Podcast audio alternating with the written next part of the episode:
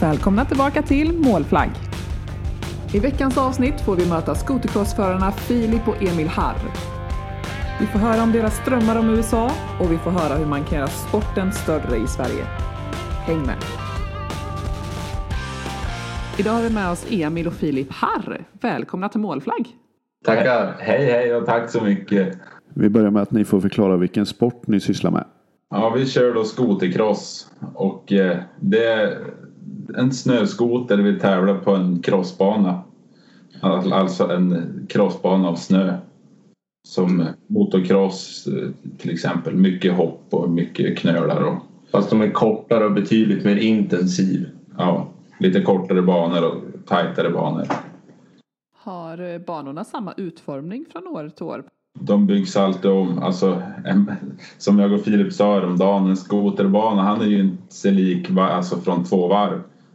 När, när alla förare har kört två varv då är han ju helt annars än vad han var första varvet. Alltså, det, det, det skiljer ganska mycket från varv till varv bara då vi är 20 förare som kör 10 till 20 stycken. Hur lång är säsongen? Ja, vi brukar väl ha vi brukar börja köra ganska exakt i oktober. Från mitten på oktober, alltså typ 25 oktober har vi kört nu tre år i rad. Eh, och så sen fortsätter vi typ i maj körde vi sista träningen i år. Ja. Men det, det beror på hur, ork, hur länge man orkar hålla på. Alltså första racet drar ju inte igång. Alltså riktiga första racet drar ju inte igång förrän i januari, början på januari. Och sista racet brukar väl vara april. Ja. I början på april Det är kanske. beroende på år till år. Men eh, är man ivrig och vill igång så, som vi är så, så då börjar vi ju så tidigt som möjligt. Vi gör ju snö så fort vi kan och så tränar vi på den snön som finns kvar tills det inte finns någon snö kvar. Hur kommer det sig att ni började med snowcross? Ja, Ja, jag började väl typ 2010 med att... Eller vi började köra 2010 men jag började lite några år innan med att vi... Eller redan från då vi var barn körde vi skoter men vi vart ju som mer och mer inne i racing. På grund av att här arrangerades tävlingar i närliggande byar eller samhällen och, och, och så då vår, både pappa och farfar var ganska insatt i racing. ja pappa han har ju även några typ SM-guld i långlopp. Och i, något i skotercross också. Alltså i, i cross också, ja precis. Och så körde han ju både NM och EM och lite sånt där. Så han var ju runt i, i, olika land och tävlade. Så mycket var väl från det. Jag var liten och hörde på hans historier om han satt och var som helt inne på, att man ville börja själv. Har ni testat några andra sporter förresten? Ja, vi kör i motocross mest bara för att hålla igång eh, på, på, på sommaren. Och vi, vi har tävlat, tidigare år har vi tävlat ganska hårt men nu tävlar vi bara lite grann. Och vi satsar som inte på det men vi, vi tycker det är kul och vi håller igång med det. Sen höll vi på med fotboll och sånt och vi var liten och innebandy. Och här höll vi på med typ tills vi gick sjuan, åttan. Sen la vi av för att vi insåg ganska fort att det var inget för oss. Hur går en tävling till i skotercross? Ja, alltså skotercross är ju typ lite som alla andra race. Vi, ja, det beror också på vilken typ av tävling det är. Men om vi säger ett SM-kval så kör vi ju... Vi har en, de, har, de kallar det Sverigecupen. De kör före vi på förmiddagen. Och så sen då kör vi SM-åkare typ mitt på dagen börjar vi. Och då har vi en träning och så sen har vi beroende på vilken klass man kör så har vi och hur många förare det är så kör vi final, eller i den mindre klassen som är ett provstock där det är standardgrejer där kör vi eh, kval hit och finaler. Eh, och i största klassen brukar vi inte riktigt vara tillräckligt många. Det händer ibland att vi är så att vi kan köra kval hit och final men oftast kör vi två finaler och så sen uträknas poängen från det. Vilka klasser kör ni i? Jag kör Pro Open och Jag kör också Pro Open. Hur är det med temperaturer och så när ni tävlar? Eh, hur kallt kan det vara? Ja, som får, alltså, de har en köldgräns på 20 minus. det har hänt. Det var en gång vi körde då jag var 26. Oj. Och, och ja, här går ju att köra men det är inte så roligt. Prylarna flyger lätt sönder och det är otrevligt att sitta på skotern då det är så kallt. Bästa temperaturen det är ju typ 5 minus. Eller, eller på våren då det kan vara riktigt varmt så man får åka med crosskläder. Det är också riktigt härligt. Mm. Har ni någon favoritbana trots att de ändras eh, liksom från varv till varv?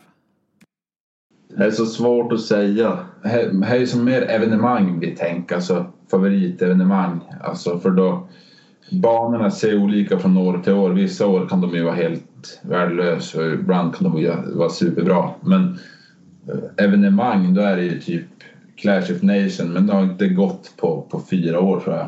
Tre år. Mm. Hur länge sedan var det? Jag vet inte. 2017 åkte vi det sist. Det är nere i Falun. Ut, ut vid skid... Vad heter det? ut, eh, Längdhopparrampen de har i Falun. Där hade de arrangerat. Alltså längdhoppsbacken till skidor. ja, där hade de arrangerat en jättestor tävling. Alltså jag var ju både... De första åren hade de ju även typ downhill och... Eller det var ju typ slopestyle alltså cykel och så hade de ju skid slopestyle men i slutändan var det bara skotercross och skoter freestyle de höll på med där. Alltså från år till år alltså.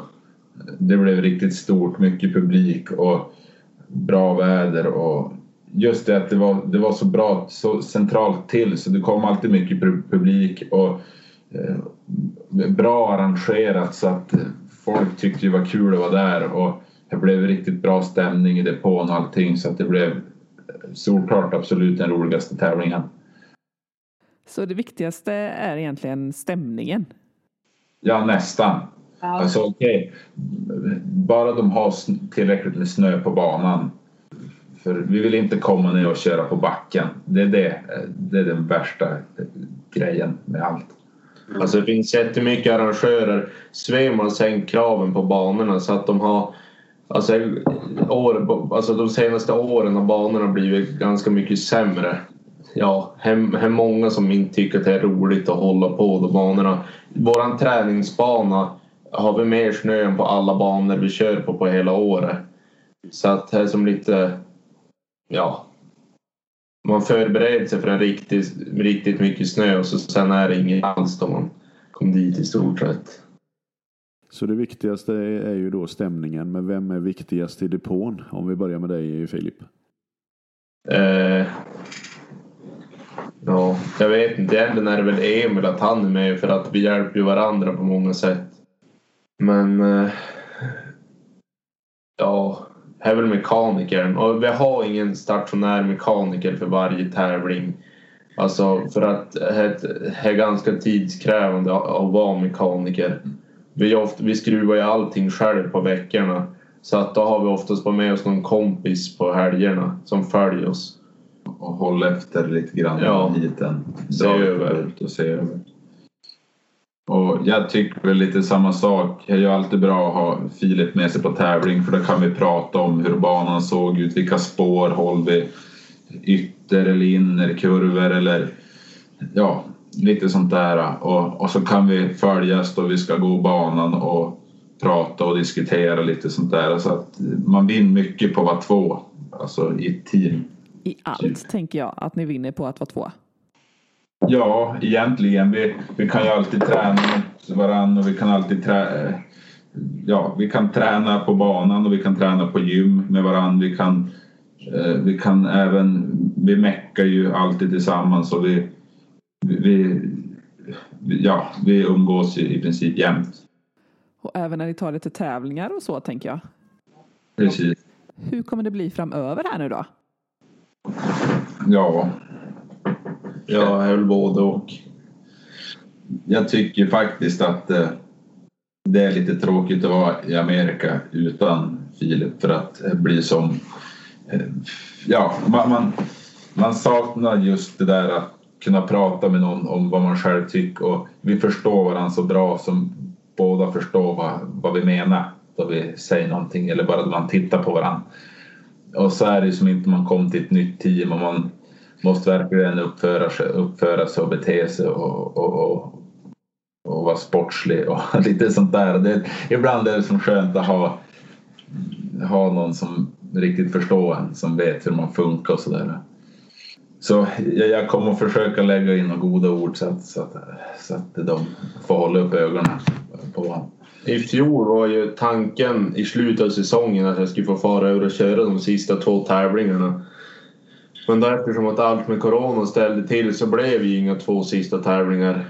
Eh, det vart ju knappt så att Emil kunde ta sig hem därifrån. Och även i år så hade vi planer på att kanske fara över i alla fall köra någon tävling. Men eftersom att det är corona så blev det så svårt med allt. Alltså, det är knappt så folk tar sig över till USA. Men om vi ska prata lite tråkigare minnen. Filip, du var ute för en olycka i början av året va? Ja, i våras på SM-finalen så... Ja, jag vet inte. Skotern gick sönder. Jag har lite problem med att... Ja, skotern gick sönder ett varv innan. Eh, jag ledde SM-finalen eh, nere i Storuman var det. Eller här är väl inte så långt ifrån. Jag ledde den finalen, första heatet och så då efter det, jag tror det var 50 sekunder kvar av de tio minuterna vi ska köra så jag var ju typ tredje, tredje varv, alltså det var tre varv kvar. Då kände jag hur skotern började bete sig konstigt och så då i uppgången på en topp så får jag ett jättekast och så då, jag landar som på sidan, alltså skotern landar väl på typ högkant om man säger så och så landar jag på skotern. Eh, och just då kändes inte, alltså jag kände att jag hade ont men jag var ju så tam av banan och typ köra in i depån. Och så fick jag ju vänta på ambulansen och så sen körde jag röntgen och då fick jag ha, ja då såg de att jag hade, jag hade alltså det var inget, hur man ska förklara. Eh, det var inget, ben, ingen kota som var rakt av så att det var märg. Utan det var ju någon bit från en ryggkota som hade lossnat. Men jag fick ju bara vänta och så ja, jag fick, jag fick ju gå, vad- hur länge fick jag vänta? I sex veckor. När jag fick Fortsätta träna. fortsätta träna. Men det var, då var ju som allting över. Ja, då var det ju corona som hade ja, dödat alla tävlingar då efter det så att det var ju som färdigt då. Många hade kanske tyckt att det var ganska nära ögat så att säga. Ja, men i fjol då var det, i fjol då vart jag på och körde i en kurva. Då fick jag tre fakturer i ryggen. Fast, fast det var bara, det här var också sådär, det här var inte i märgen utan det var varje kota i typ nedre ryggen, i ryggen har ju som ett taggutskott för ryggmusklerna. Och då var det en som körde in i mig bak i ryggen så att jag fick, tre av dem gick utav. På tal om skador och så, eh, vad har ni för kläder och skydd på er när ni kör? Ja, vi har hjälm. Det är väl viktigt. Kroppsskydd, då är det bröst och ryggskydd. Och så knäskydd ser vi som väldigt viktigt. Det är många knäfrakturer hos folk som, som vi verkligen vill undvika. Så knäskydd är viktigt. Och så ordentliga skor så du inte kan vrida foten eller fastna i skoten någonstans. Alltså det är ju väldigt likt cross. Förutom att vi har typ snowboardskor fast stadigare och stabilare. Eh, Och lite bättre sula för att ja, sånt är det för skoter kan man säga. Många kör ju crossskor också. Eh, Och så har vi ju, vi har ju täckbyxor. Men ofta kör man i crosströja eller någon endurojacka. Vad har ni för eh, tips till den som vill börja med skotercross? Ja, alltså det beror på vilken nivå- man vill börja på, alltså vilken ålder man är i. Eh, Vill man bli bäst då måste man ju satsa hårt och lägga ut mycket pengar och träna mycket. Ja, så jag tycker det att ska man börja med det, eller den här sporten kan man inte bara börja med för det är lite kul. Det är ganska mycket pengar och, och börjar man med att ha som inställning med att man ska vinna där är det bara att, att, att kosta på nya grejer och bra grejer så att man har en bra grund och sen börja nöta på. För att eh, timmarna på, på banan är ju absolut viktigast men de är ju väldigt onödiga om, om skotern är helt, eh, helt fel. Så att eh, en, en bra skoter med, med bra fjädring och bra variatorer och sen då en massa timmar på, på banan bara. Nöta på. Men vad kostar ungefär en eh, bra skoter? Ja, just nu håller de ju att vara ganska färdig från fabrik. Då vi började tävla fick vi kosta på dem ganska mycket för att få en bra tävlingsskoter. Men nu, nu kom de nästan färdig från, från fabrik så att en, en, en, köp en skoter nu skulle du kunna nöta, eller börja direkt träna på. honom. men väldigt viktigt att få börja justera in fjädringen så han är rätt för dig och för din vikt och för din fart. Så man köper inte en färdig tävlingsskoter? Jo, det gör man. Och här som Emil säger förut var det lite mer då, då hade man mer att göra på skotern när han kom. Men nu så köpte en skoter och de, de har blivit dyrare sen vi började. Det beror också på vad det är för typ av förare. Om det är nybörjarförare eller om det är en elitåkare så är det ju lite olika pris på skotrar och vad du har för sponsorer. Nu när man köper en skoter så är de i stort sett klar. Alltså de är nästintill. Men ska du upp till lilla sista för att vara toppen. i toppen så kommer de måste till exempel byta fjädring på skotern och göra om variatorer och sånt där. Ja, mm. förut var det väldigt vanligt att folk trimmar maskinerna i den största klassen. Att man, man höll på. Men nu i USA den förbjuder trimning och då har, då har ju som all trimning slutat sälja. Eh, vad kostar en tävlingshelg ungefär? Det, det, är helt olika från, från folk till folk. Om vi säger som då jag körde som mest i Sverige 2000, på skidon till exempel. Och ja, jag var ju ganska noga att byta matta inför varje race. En ny matta det är ju bara ja, 6000 kanske och sen då ska man ju tanka upp racebussen och det är ju några tusen lappar och sen då ska vi ju köra genom Sverige, ja om vi ska ner till Mora till exempel, nu, nu kryddar vi lite att nu ska vi långt. Eh, då ska vi tanka fler än en gång och, och så ska vi äta och så ska vi, ja innan, innan vi är bara där för, för jag och Filip då kanske kostar 15 000 en tävlingshelg. Kanske mer till och med. Men de... Till exempel i fjol då Emil var i Amerika. Då tog jag, jag tog bussen på en tävling då Emil var borta. Och då har vi bara en pickup så då lastar vi bara skotern på flaket så tar man en hotellnatt. För att säger man bara till att ha ordning på grejerna innan man far så så går det ganska bra att inte ha med sig en hel buss med reservdelar och verktyg och allting. Men hur eh, finansierar ni en helg nu då? Har ni massa sponsorer eller hur har ni råd? Ja, alltså vi, vi har varit dåliga på, på ragga sponsorer om vi säger som så. Vi, vi har haft väldigt bra under den tiden jag körde BRP hade jag, hade jag väldigt bra av dem och, och de stod för mycket grejer. Och, eller då körde ju du också BRP. Och, och, vi fick ju... Vi hade ju oftast de reservdelarna vi behövde och, och, och sådär. Och de skick, så fort vi behövde något så skickade de. Då hade du jättebra support. Ja, alltså gick en skotermotor sönder dagen före då stod det en ny utanför bussen dagen efter. Så alltså det, det var jättebra. Men vi... De hade inte Alltså man, de, de har bra maskiner men just då så var de inte optimal för vi, om man säger så. Så att jag har bytt märke 2018 och sen dess har jag som inte haft någon bra sponsring. Nej, alltså jag har inte haft, då var, då, alltså vi var ju inte fabriksåkare då vi körde BRP men vi var väldigt bra uppbackade. Och eftersom vi nu kör för amerikanska vad säger man, fabrikat så blir det dyrare. Så blir det svårare för att i USA så, så måste de från USA skicka pengar till Sverige för att sen pengarna i Sverige ska kunna gå ut till vi förare. Som, alltså att de ska kunna gå ut till reservdelar och skotrar och sånt. Och, och här, blir som ett krusidull så att det blir som inget av egentligen. I fjol gjorde Polaris en bra satsning. Jo, jag fick en väldigt bra deal. Det var ju som därför jag bytte från BRP till Polaris. För jag skulle få jag, jag, fick en deal med tre skotrar och reservdelar och lite sånt där. Och eh, det var ju en väldigt bra deal men då, då fick jag ju beskedet från USA att de behövde mig och då, ja, då, då fick jag åka över dit och avbryta kontraktet jag gjorde med Polaris Skandinavien. Och eh, det är väl lite det. Nu ska vi gå tillbaka till sponsorerna där. Det, det är ju maskinerna, alltså fabrikaten som sponsrar oss lite grann.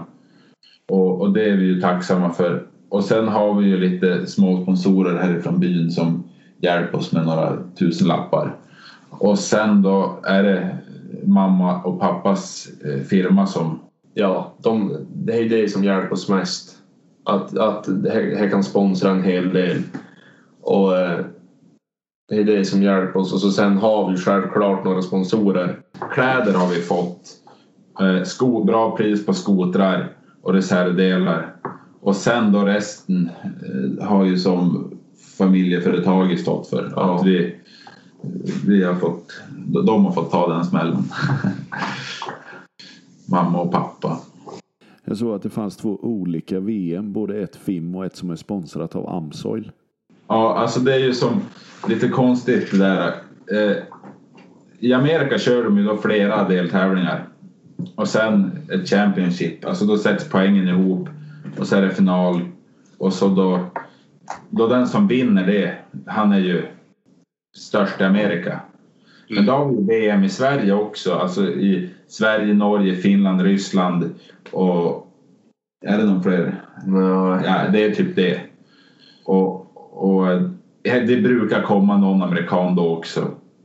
Men Men- gre- grejen är att alla från om vi säger Skandinavien eller Europa kämpar ju för att komma till USA. Ja. Så alla bästa från Europa åker alltid över till USA.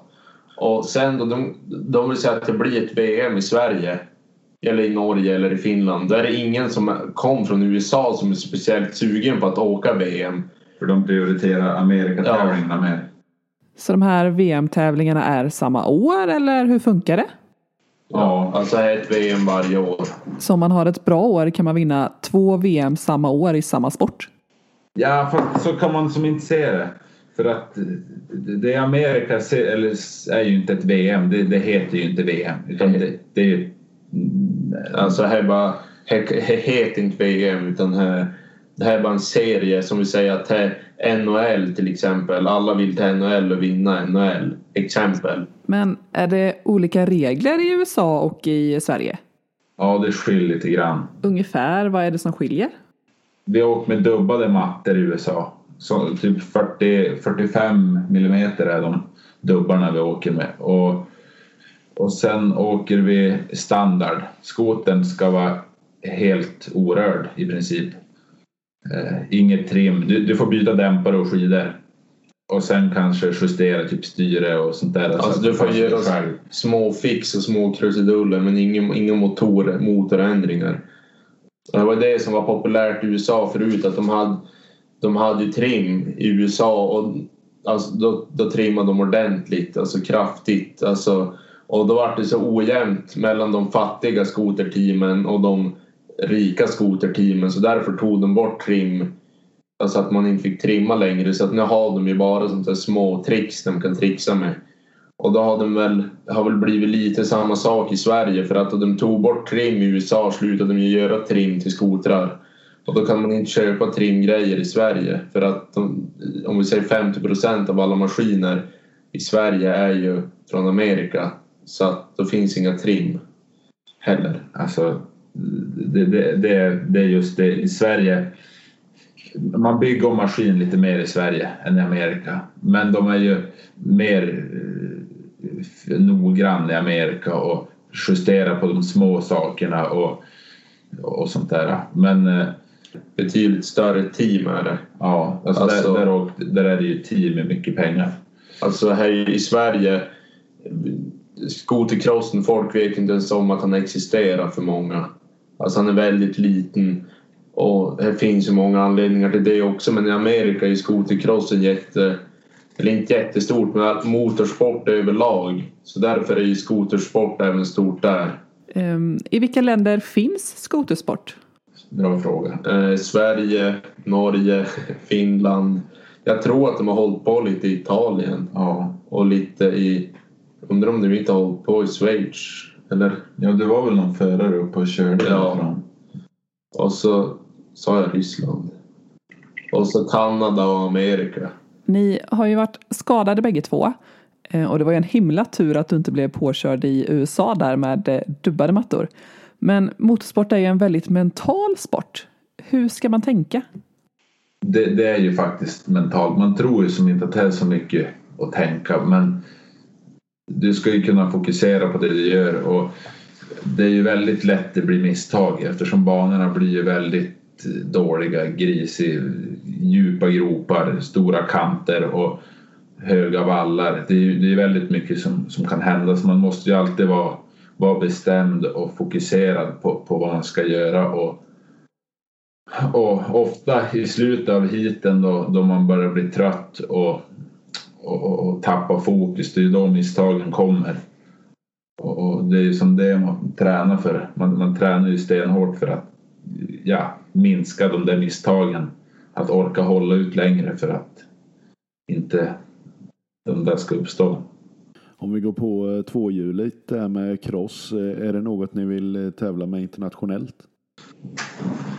Ja, eller Det är ju en dröm. Alltså, fick jag välja så skulle jag ju hellre vara bra på cross än på skoter. Ja, alltså hellre ska jag åka i Amerika på en, på en crosscykel än på en skoter.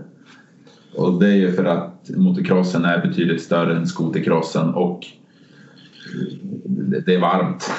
Det är inte minusgrader ute. Nej men, ja, ja, ja det det skulle absolut vara kul att få, få, få, få komma till Amerika och, och åka cross. Men det är ju, Vi är inte på den nivån. nej, vi är inte där än. Jag var ju inne på era sociala medier och eh, spanade lite. Och där såg jag att ni även kör eh, watercross. Vi leker lite. Vi, vi tycker det är kul att hålla på och bada och skruva och eh, det, det- det är som mer för att inte behöva vara så seriös tycker jag. Ja, alltså. Vi eller jag, jag körde en tävling i watercross och jag har aldrig misslyckats så mycket tror jag i hela mitt liv. Men, eh, det, var bara ro, det är så roligt att tävla och vara med på tävlingar och det är sån rolig stämning och man har med sig kompisar och vi skruvar febrilt. Och, och på watercross då kan du egentligen komma med vad som helst. Och, och du kan köpa en skoter för 20 000 och han går och tävlar med. Du behöver bara skruva ganska mycket kanske. Eh, Men eh, du, du kommer ju inte att bli etta med skoter för 20 000. Men du kan vara konkurrentkraftig. Ja, Du kan vara med. ja du kan vara med i alla Det, fall. hå- det håller flytande. Ja. Men jag gjorde inte det. Finns det några större watercross-tävlingar i Sverige? Ja, alltså här exploderar på sista tiden. Det har ju blivit, alltså i alla fall här uppe har det blivit jättestort. Alltså typ bara på några år så har de ju börjat livesända det på internet och, och jag vet inte, finalerna brukar ju gå i Lycksele här bort, alltså några typ 20 mil härifrån. Och där är det jättepopulärt. Alltså här är ju, jag vet inte hur många tusen som har tittat på det. Men eh, just det där att de har ju förstått det här hur man arrangerar en tävling. Det gäller watercross. De, jämfört med skotercross så är det alltid ett kallt hål två mil från en redan liten by där man arrangerar en skotertävling. Men på watercross arrangerar de ju ty, ty, typ i Umeå, i Skellefteå, i större och vid större festivaler och sånt där. Men om man vill börja med watercross, tar man sin snöskoter och bygger om eller köper man en helt ny? Det, är alltså, det är lite roligt nu att vissa de beställer hem nya maskiner och så plockar de ner dem och bygger om dem till eh, vattenmaskiner. Och det är ju säkert en massa jobb och, och så är det dyrt ska jag kunna tänka mig. Men han som har varit typ, eller han som har varit, om vi säger en kille från Finland som har varit väldigt snabb på återkross Och han har varit väldigt, oftast i toppen. Och han kör nog på äldst skoter och mest modifierad av alla. Men han, han är fortfarande snabb så att allt sitter inte i skotern i watercross utan det är inställningarna allt sitter i. Ja, och chauffören. Och chauffören självklart. Mycket chauffören är det ju, men alltså du kan, du kan ställa upp med en äldre skoter och vara fortfarande konkurren, konkurrenskraftig. Ni har ju hållit på med detta sedan ni var små. Hur viktigt är det att ha varit med från start och gjort allting själva? Byggt banorna och ja, allting. Ja, vi tror att det är ganska viktigt. Vi har ju alltid varit igång tidigt på, på hösten och byggt bana och vi har alltid varit med i, i garage och mecka och, och gjort det mesta själv. Och vi tror att det är ganska viktigt att göra det, alltså för att ha med, ha med det i framtiden och kunna... Vi har ju fått en hel del livserfarenhet kan man ju säga. Alltså, Ja. Vi kan ju både skruva i pistmaskiner, snökanoner och skotrar och vattenpumpar och allt, elverk och vi, vi har ju hunnit testa allt. Lysmaster och ja, det mesta och bussar och vi har skruvat i och ja, man lär sig en hel del. Vad är bästa minnet från motorsporten nu då? Än så länge. Ja, bästa minnet. Alltså, det behöver ju inte vara bästa racet, alltså bästa... Absolut inte. Men eh, ja, vet du. Ja, jag tycker... Eller ja, alltså mitt bästa minne är från mitt bästa race kan jag säga. Alltså, jag har aldrig varit så glad som det gick bra. Eh, I Mora 2019 så...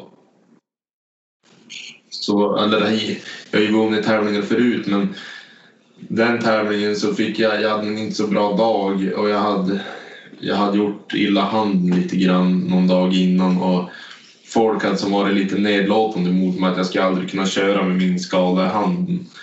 Och, eh, och som skrattade lite åt mig att ska du verkligen köra sådär? Typ. Jag bara, ja men fan det kommer gå bra. Och så sen i kvalen så gick inte alls bra. Jag fick köra sista chansen och då hamnade jag i bakre led i finalen.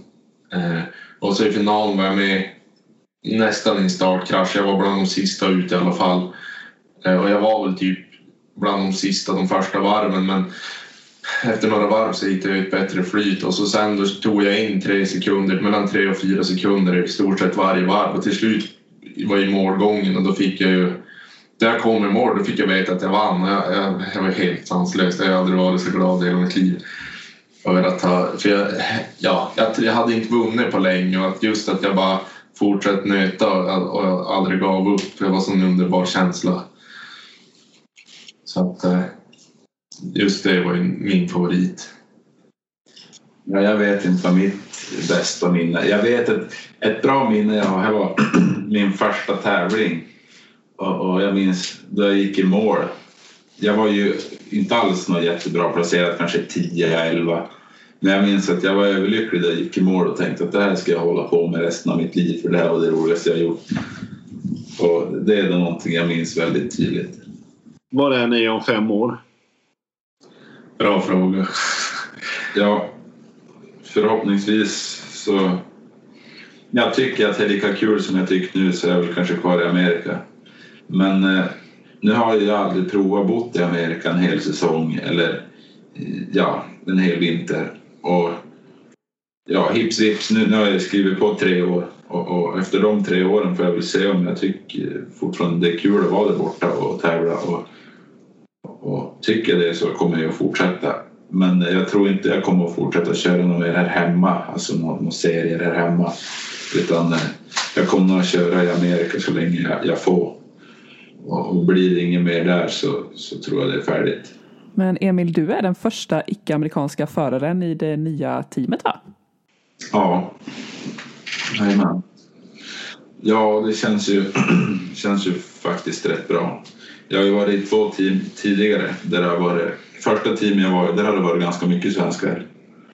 Och det andra teamet jag var i, där hade det varit en svensk innan.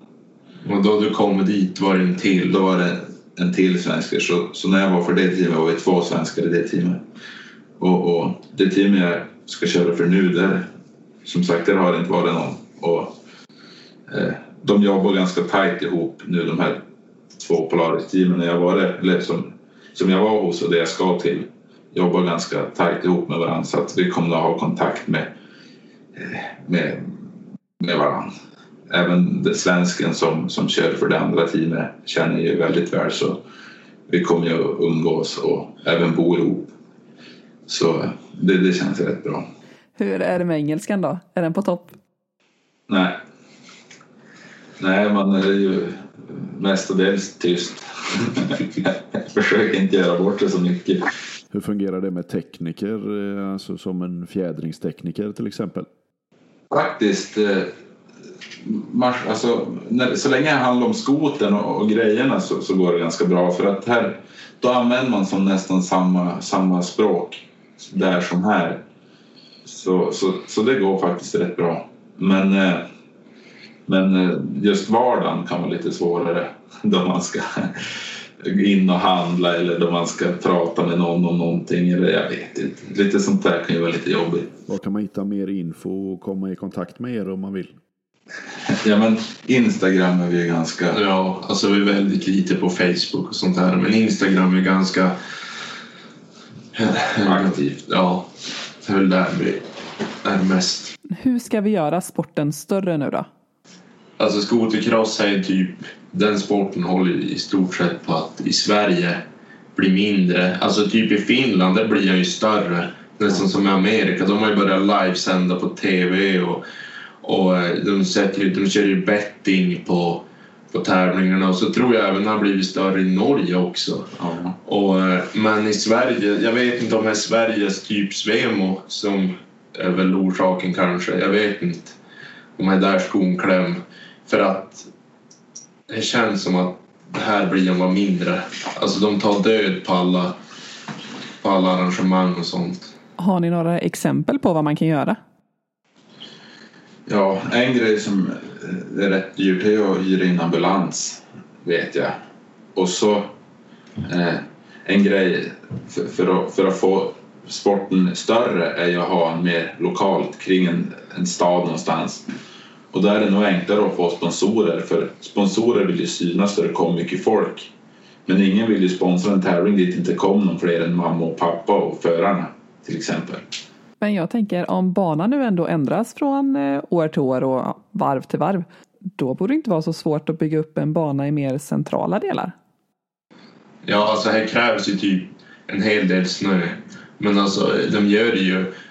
Alltså, här ska gå om man vill och ha du kan köra en snötipp. Snötippar är ju oftast just utanför städer eller i närliggande, alltså i närheten för de kör inte snön från, så långt från städerna.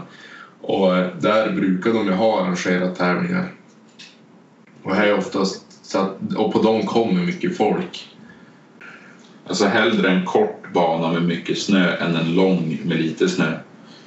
Och på det gör det Svemo lite fel. De sätter krav att banan ska vara en viss längd men det ska inte vara någon viss mängd snö. Så det ska vara, jag tror 30 centimeter.